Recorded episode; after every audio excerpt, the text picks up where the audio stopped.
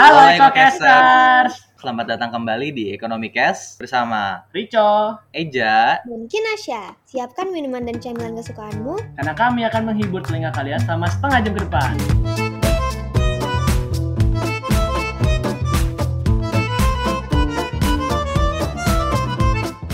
Halo. Yes. Apa kabarnya nih? Nah, kali ini eh, gua, Eja, cuma ditemenin sama Kinasya nih. Kali ini Hmm, kita cuma berdua doang ya, Kin ya? iya, kayak bakal sepi deh nggak dari chat. Iya. Gak ada yang tiba-tiba ngomong sendiri. Iya, yang biasa eh, ceramah nggak datang. Gimana? Yang punya ide out of the box tiba-tiba nih nggak ada nih. Sulit, sulit. si Rico lagi ada kesibukan guys. Jadi ya mohon maklum ya. Jadi biar di episode kali ini kalian hanya dengerin suara gua sama suara Kinasyu. Asik asik. Oke. BTW BTW sebelum memulai lebih lanjut nih episode kali ini, gua mau ini kali ya. Apa namanya menanya kabarnya Ekocaster. Gimana nih kabarnya Ekocaster kayak ya mungkin Ekocaster pengen ngobrol-ngobrol gitu sama gua bisa banget gitu ya. Eh malah modus gue ya. Ih, ih, ih, ih, ih. Ya enggak. Oke, serius-serius lanjut lagi, lanjut lagi. Jangan deh. Ntar gue diomelin sama sama Rico nih. Gue ambil alih podcastnya malah dibuat modus nyari yang lain gitu kan. Nggak, nggak didukung, didukung, pasti didukung. Oke, jadi Eja ada keluhan apa kali ini? Hmm, oh, oh iya iya, gue baru inget, baru inget. Jadi beberapa hari lalu gue main nih sama teman gue. Sebut saja namanya O. Nah, gue sama si O ini cukup dekat gitu kan. Kita ngobrol-ngobrol.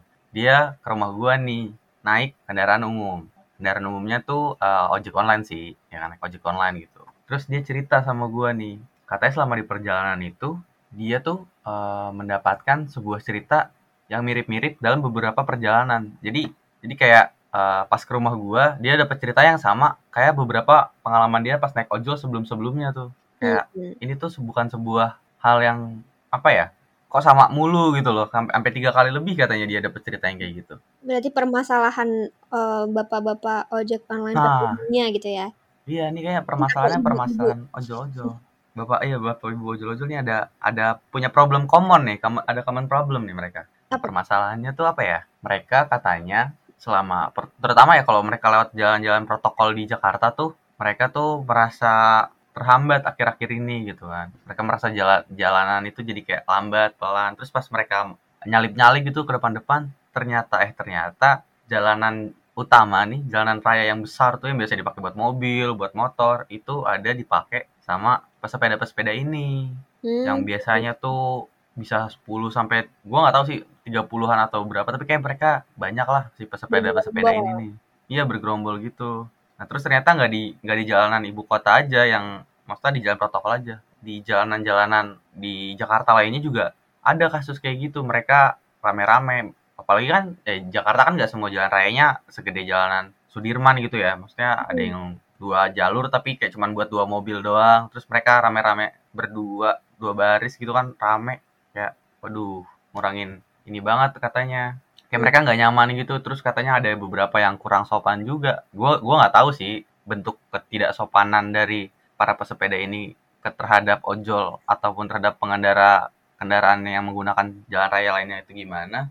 Gue nggak tahu cuman kayak gue setelah mendengar dari cerita temen gue ini, gue kayak kok bisa ya Jakarta gitu loh, orang Jakarta gitu, orang kota hmm, berarti rame-rame buat kesalahan. Terus semua semua orang tuh udah sebel gitu. Maksudnya se- beberapa banyak ojol yang sebel gitu. Kayak ini tuh kok diulang-ulang terus gitu, bukan sekali dua kali gitu mau berarti kan. berarti udah Wondering gue. mengganggu mobilitas pengendara lain ya nih para pesepeda nih yang bergerombol. Betul, betul banget tuh. Tapi lo familiar nggak sih sama yang baru-baru ini rame di sosial media yang ini tuh eh, ada pesepeda motor yang ngacungin jari tengah ke segerombolan pesepeda. Pernah lihat nggak Oh, sequence fotonya? Pasti gua gua Facebook kayaknya pernah sih, gitu. kayak pernah pernah lewat di timeline Insta, ah enggak Instagram, timeline Twitter pernah pernah lewat, pernah Hmm, lewat. ada threadnya gitu kan. Iya ada tweetnya tuh, banyak temen gue yang ngobrol, tapi gua nggak terlalu ngedengerin sih waktu itu, karena gue belum ngeh aja. Oh, setelah Hmm. dipikir bener juga. Itu kayak gimana tuh Kin emang Kin, permasalahannya tuh? Eh, jadi permasalahannya kalau dilihat dari sequence fotonya ya, jadi eh, gue jela- jelasin apa gitu yang ada di foto itu. Jadi ada beberapa sequence foto. Eh, awalnya ada pesepeda nih bergerombol, mereka melebar gitu. Biasanya kan kalau pesepeda eh, ke belakang gitu ya. nggak melebar karena bakal ngeganggu jalan dan mobilitas pengendara Hmm. lain. Cuman Benar-benar. di gambarnya itu mereka bergerombol sampai melebar. Nah, terus ada eh, mungkin bapak-bapak pengendara sepeda motor yang udah eh, keganggu gitu karena kan juga speed sepeda sama motor beda kan. Iya sih Jadi benar. bapaknya ini nerobos di antara kerumunan pesepeda itu, terus balik badan terus ngacungin jari tengah. Wah, gokil sih, gokil.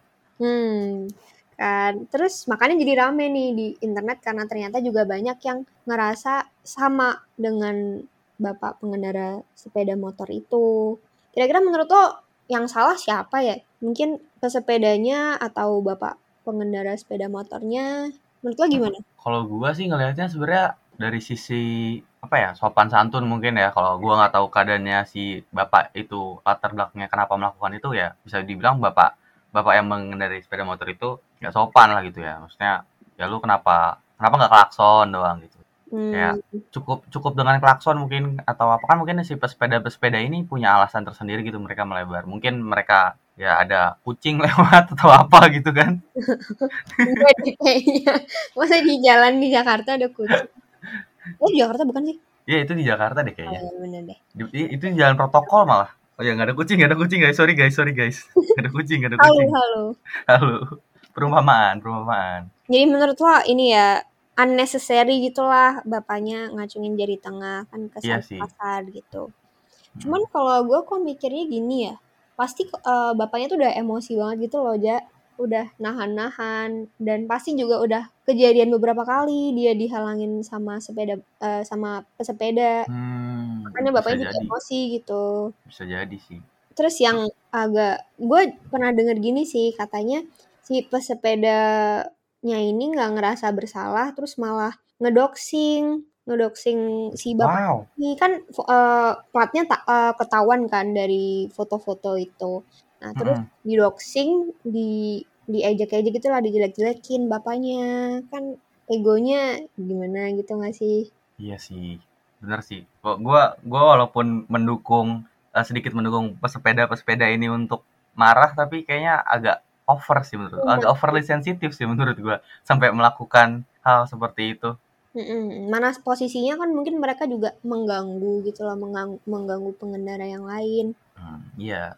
Sebenarnya kalau kalau dipikir-pikir lagi ya, si bapak kendara pengendara motor ini ya karena gua nggak tahu latar belakangnya seperti yang tadi lu bilang, gua gua beranggapan bahwa si bapaknya ini tuh ya agak oversensitif aja, agak ya bisa dibilang baperan lah ya, agak baper aja gitu kan. Dan kenapa sih sampai baper gitu? Ya kan kita nggak bisa nggak kita pribadi, maksudnya lu gua nggak bisa ngomong eh, jawabannya pasti kecuali si bapak itu sendiri kan, si bapak yang naik motor itu sendiri yang bisa ngomong karena ya dia yang melakukan hal tersebut.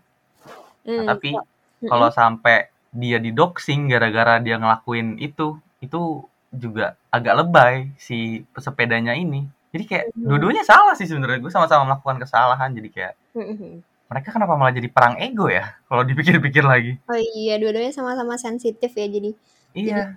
nanggep secara emosional gitu. Padahal bukannya udah ada hukum lalu lintas ya buat pesepeda gitu.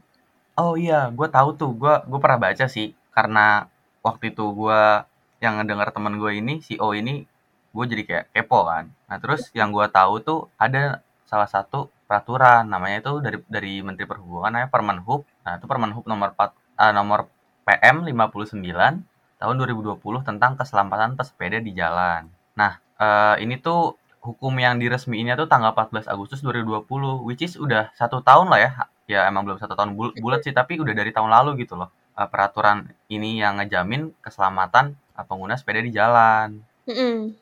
Kayak Apa tuh ada. isinya? kalau buat isinya tuh sebenarnya eh, itu tuh isinya kayak ya tu- tujuannya adalah untuk membuat si kenyamanan dan keselamatan si para pesepeda ini tuh terjamin. Di mana ya kan nggak mungkin ya peraturan bertujuan untuk eh, menjerumuskan gitu kayak mau ngebuat masa mau ngecel- ngenyelakain para pesepeda kan nggak mungkin gitu ya Nggak mungkin dong. Nah, nah terus karena udah dikasih hak nih mereka udah untuk menggunakan jalan nih ya. Nah, itu tuh ada beberapa larangannya juga yang mungkin kurang diketahui ya atau kayak mungkin eh, teman-teman ekokes juga yang naik-naik sepeda nih ada juga nih yang belum tahu mengenai peraturan ini. Mungkin gua sedikit gua bacain beberapa larangan yang gua tahu. Nah, itu tuh satu, itu tuh kita tuh nggak boleh eh, naik sepeda sambil eh, ditarik oleh kendaraan bermotor dengan kecepatan yang membahayakan keselamatan. Nah, itu contohnya gimana sih? Nah, misalkan nih lu naik sepeda terus tuh lu megang apa sih nama belakangnya tuh? Bel- belakang motor tuh. Aduh gue lupa. Kayak bem bukan bemper ya? Pokoknya kayak ada ada Pegangan sama iya pegangan belakang motor tuh. Nah lu nggak boleh tuh pegangan kayak gitu. Itu tuh membahayakan gitu kan naik sepeda. Apalagi kalau megangannya sama misalkan mobil pick up gitu lu pegangan sama mobil pick up yang tiba-tiba kecepatannya nggak tahu kenapa kan itu kan berbahaya gitu loh. Ny- nyari mati gitu loh bu. Itu itu itu nggak boleh. Walaupun ya jatuhnya lu nggak ngegoes kan jadi enak. Tapi apa gunanya lu naik sepeda kalau kayak gitu caranya? Mending di rumah. Udah iya. aneh-aneh.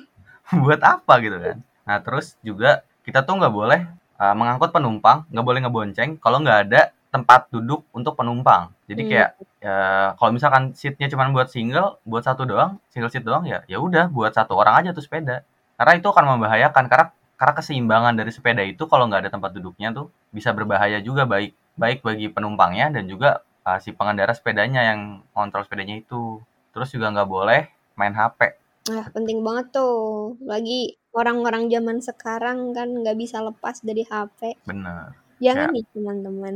Naik motor apalagi naik motor. Mungkin teman-teman nih ada nih pasti gue yakin nih. Satu dua orang nih sambil naik motor nih sambil main HP nih. Itu nggak boleh. Oh, jangan, jangan. iya. Iya toh.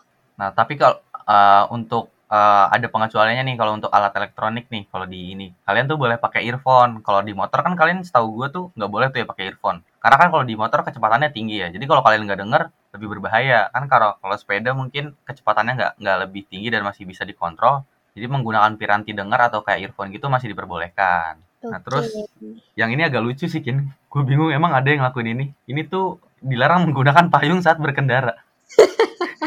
emang ada ya Pak. pakai payung?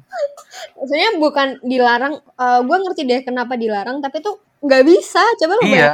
Kecepatannya juga pasti ketahan sama payung kan? tangan lo pegang satu, pegang eh, apa stangnya, yang satu pegang payung, terus Oleng-oleng dah. Ngiter bang tuh payung. Iya makanya.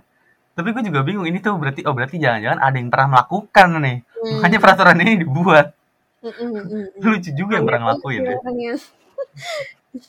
Nah, terus ada lagi nih yang kelima. Ini tuh dilarang berdampingan dengan kendaraan lain kecuali ditentukan oleh rambu lalu lintas. Nah, itu berdampingan tuh maksudnya ya kayak konvoy rame-rame gitu sih. Hmm. Nah, ini tuh lan- lanjutannya nih dilarang berjajar lebih dari dua nih. Kalau tadi kan berdampingan gitu ya.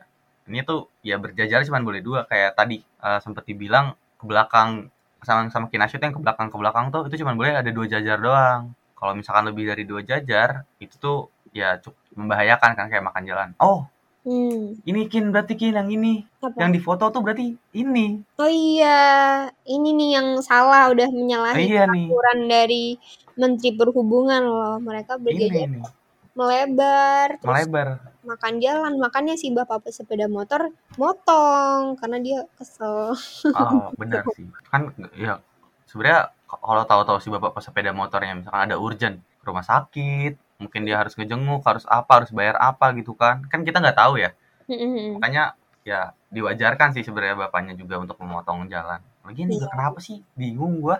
Mereka tuh si pesepeda-pesepeda ini setelah gue pikir-pikir lagi ngelebar-ngelebar gitu buat apa? Ya nyamannya dong. Mereka kalau ke belakang mungkin eh, nggak enak kan kalau misalnya depannya lambat, makanya mereka ke samping. Hmm, oh iya juga sih. Apa? nggak bagus kayak gitu karena tidak sesuai dengan peraturan Menteri Perhubungan. Menteri Perhubungan loh dilawan, astagfirullah. Terus ada juga nggak sih yang kalau harus ngejaga jarak aman dari pengguna jalan lain? Nah, iya itu. Nah, itu juga makanya ada dibuat jalur sepeda, Kin. Oh iya jalur sepeda bener. Ada dibuat jalur sepeda makanya. Gue juga bingung sih sebenarnya kenapa mereka ini nggak di jalur sepeda. Udah udah nggak di jalur sepeda, rame-rame, ngelebar lagi. Mm-mm. Gue bingung sih. Kenapa mereka kayak gitu ya? Apa karena mereka sepedanya mahal atau gimana gitu kan? Brompip, Iya. merek yang lagi ngehits tuh Brompip. Sebenarnya yang gua gua sempat baca nih dari salah satu thread gitu kayak gue sempat baca sedikit nggak gue nggak baca tuntas ya cuman baca kilas alasan ada yang memberikan alasan mereka tuh menggunakan eh, lajur utama ini tuh jalan besar ini alasannya jalur sepeda tuh terlalu sempit dan juga tidak mengakomodasi kecepatan sepeda balap mereka terus gue mikir Balap. lu pakai sepeda balap tapi nggak ada Hmm. jalurnya terus buat apa Hmm, tapi yang kenapa lu maksa yang salah siapa dong? Ini eh, dari fasilitasnya yang kurang atau orangnya yang maksa menurut lo Oh yang iya juga. salah apa nih Oh iya juga ya. Gak Hmm. kepikiran gue tentang fasilitas yang gak ada ini ya. iya kan mana sarananya juga masih kurang kayak velodrome aja eh, masih kurang banget buat menga- buat mengakomodasi eh, para pesepeda itu Ya sih, apalagi demand eh, bukan demand sih, supply dari si pesepedanya ini tuh udah banyak kan. Mm-mm. Terus kayak ya di demand-nya juga demand untuk meng, berarti demand untuk menggunakan velodrome ini meningkat kan karena si pesepedanya ini semakin banyak kan. Tapi ap- apakah dengan mereka tidak mempunyai fasilitas yang memadai ini jadi harus mereka memaksakan jalan di rumah, menggunakan jalan utama gitu. itu juga nggak benar sih ya karena ya tadi ngeganggu pengendara lain dan itu nggak bagus mungkin mungkin dari peng- pengendara sepedanya sendiri jangan maksa lah tapi juga mungkin saran nih saran buat mungkin pemerintah Asik. kabupaten atau kota kalau misalnya selalu memberikan saran ya. saran dong saran dong bukan kritik ya ini Ya, kita saran memberikan saran. sangat Saran yang, yang membantu. iya betul kita kan cuma menyampaikan keluh kesah masyarakat gitu Anjay. Keren banget ya. Jadi mungkin bisa ditambah velodrome atau fasilitas yang lebih memadai buat pesepeda gitu. Betul, betul. Tapi yang gue agak bingung nih, mungkin gara-gara kondisi sekarang COVID ini ya. Jadi masalah ngumpul-ngumpul nih lebih lebih mengkhawatirkan gitu. Nah, Oh, padahal iya. kan bersepeda tuh eh, bisa dilakuin di rumah gitu loh pakai kan ada alatnya tuh alat yang biasanya di gym Iya, ya. yang, yang kayak treadmill gitu nggak sih sepedanya tuh? Iya, mungkin Yes. feelingnya bakal beda ya sama sepedaan di jalan di luar. Tapi kan kalau inget-inget kondisi sekarang, bukannya lebih baik di rumah aja, ataupun kalau eh, mau keluar nggak banyak orang gitu loh. Iya. Itu juga apa ya common sense lah kalau COVID jangan eh, keluar rame-rame. Gue juga ngerasa ini ini gue kalau agak nyolot mohon maaf banget nih para kokeser tapi menurut gue tuh mereka tuh flexing aja nyet Waduh, mereka emang mau flexing aja gitu sebel gue flexing berempit,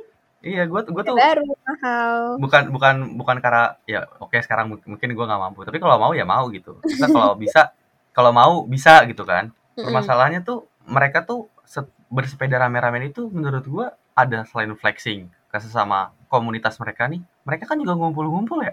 Maksudnya selesai selesai dari mereka sepedaan capek-capek keringetan pasti kan ngumpul di suatu tempat gitu loh. Oh, iya, jadi nongkrong. Kayak kalau dipikir-pikir agak berbahaya gitu loh di covid. Meskipun mereka udah swap swap atau apa pun itu tapi kan itu nggak menjamin 1000% bahwa diri lu bebas dari namanya corona. Bisa jadi lagi sepedaan nih tiba-tiba terpapar di tengah jalan. Kan Waduh, nggak tahu nggak ada yang tahu kan? Cluster, cluster. iya jadi klaster kan. Jadi jadi berbahaya gitu loh. Apalagi kan keringetan. Terus lu ya cairan tubuh lu ke mana-mana kan Mm-mm. itu ah sudahlah gue jadi sedikit naik pitam sorry guys sorry guys. Membahayakan orang lain nih.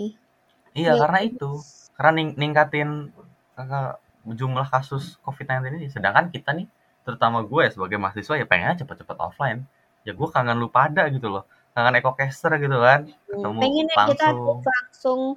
Iya tag langsung kan. Kayak Ki- Kinasio kan sama gue rumahnya beda provinsi gitu jauh. Jadi kita tuh selama PJJ ini kita dan dan Riko juga rumah gue sama Riko cukup jauh. Jadi kita bertiga tag podcastnya via daring gitu kan. Karena kita menjaga protokol kesehatan. Anjay. Hmm, jadi ayo dong para pesepeda, biarkan kami pengen cepet sekolah kuliah kan offline. pengen kuliah offline kan nah itu ya. Tapi mungkin gua mau ngomong dikit kali ya yang tadi kita boleh boleh. peraturan Menteri Perhubungan gitu sebenarnya kayaknya masih banyak pesepeda yang nggak tahu deh. Mungkin pengendara jalan pengendara jalan lain eh pengendara, pengendara jalan. Pengguna jalan. Pengguna jalan lain.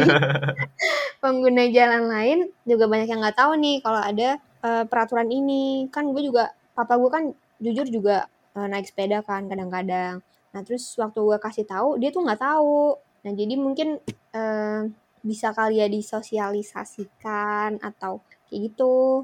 Iya sih setuju. Gue setuju sih. Kayaknya emang eh gue kan nyari tahu apa namanya nyari tahu case ini tahu gue tahu aturannya ini karena ini kan karena ya CEO. teman gue cerita CEO Iya CEO ini cerita dan gue jadi kepo kan. Kalau gue nggak kepo, ya gue nggak tahu. Berarti emang mungkin ada kurangan dari PR-nya kali ya, PR untuk uh, menyampaikan per- peraturan-peraturan yang mungkin perlu disampaikan secara umum jika eh, ini kan jatuhnya di eh, pesepedanya lagi naik nih. Mungkin bisa ngasih eh, iklan layanan masyarakat lah atau di Iya benar. apa tuh di banner-banner yang atau apa gitu yang gede-gede tuh di jalan tuh buat ngasih tahu kan. Ya Mm-mm. mungkin gitu sih menurut gue. Dan gue yakin juga kan peraturan ini ditetap eh, resmi ditetapkan eh, tahun 2020. Nah, padahal 2020 tuh udah mulai ada COVID gitu loh. Jadi pasti peraturan ini dikeluarkan karena banyaknya pesepeda. Nah, makanya lebih baik kalau eh, semua pengguna jalan, terutama pengendara sepeda tuh tahu karena kan juga menyangkut keamanan berlalu lintas kan. Today. Ya, intinya tuh dari permasalahan kali ini ya mungkin cukup cukup bertele-tele dari A ke ke, ke ya nggak walaupun nggak nyampe Z tapi cukup ke mana-mana ya. Ternyata setelah kita Hmm. lihat-lihat nih, mulai dari orang-orang yang egonya gede masing-masing kayak daripada lu berdua ribut ego mending jadi jalan tengah gitu kan. Apa nih yang terbaik? Tapi mereka malah memilih untuk saling menyalahkan, saling saling Hmm. doksi gitu kan, saling melakukan tindakan untuk membalas. Terus ya kita coba mencari tahu nih tadi kan kayak Kinasya ngomong tentang hukum, sama gue tadi juga.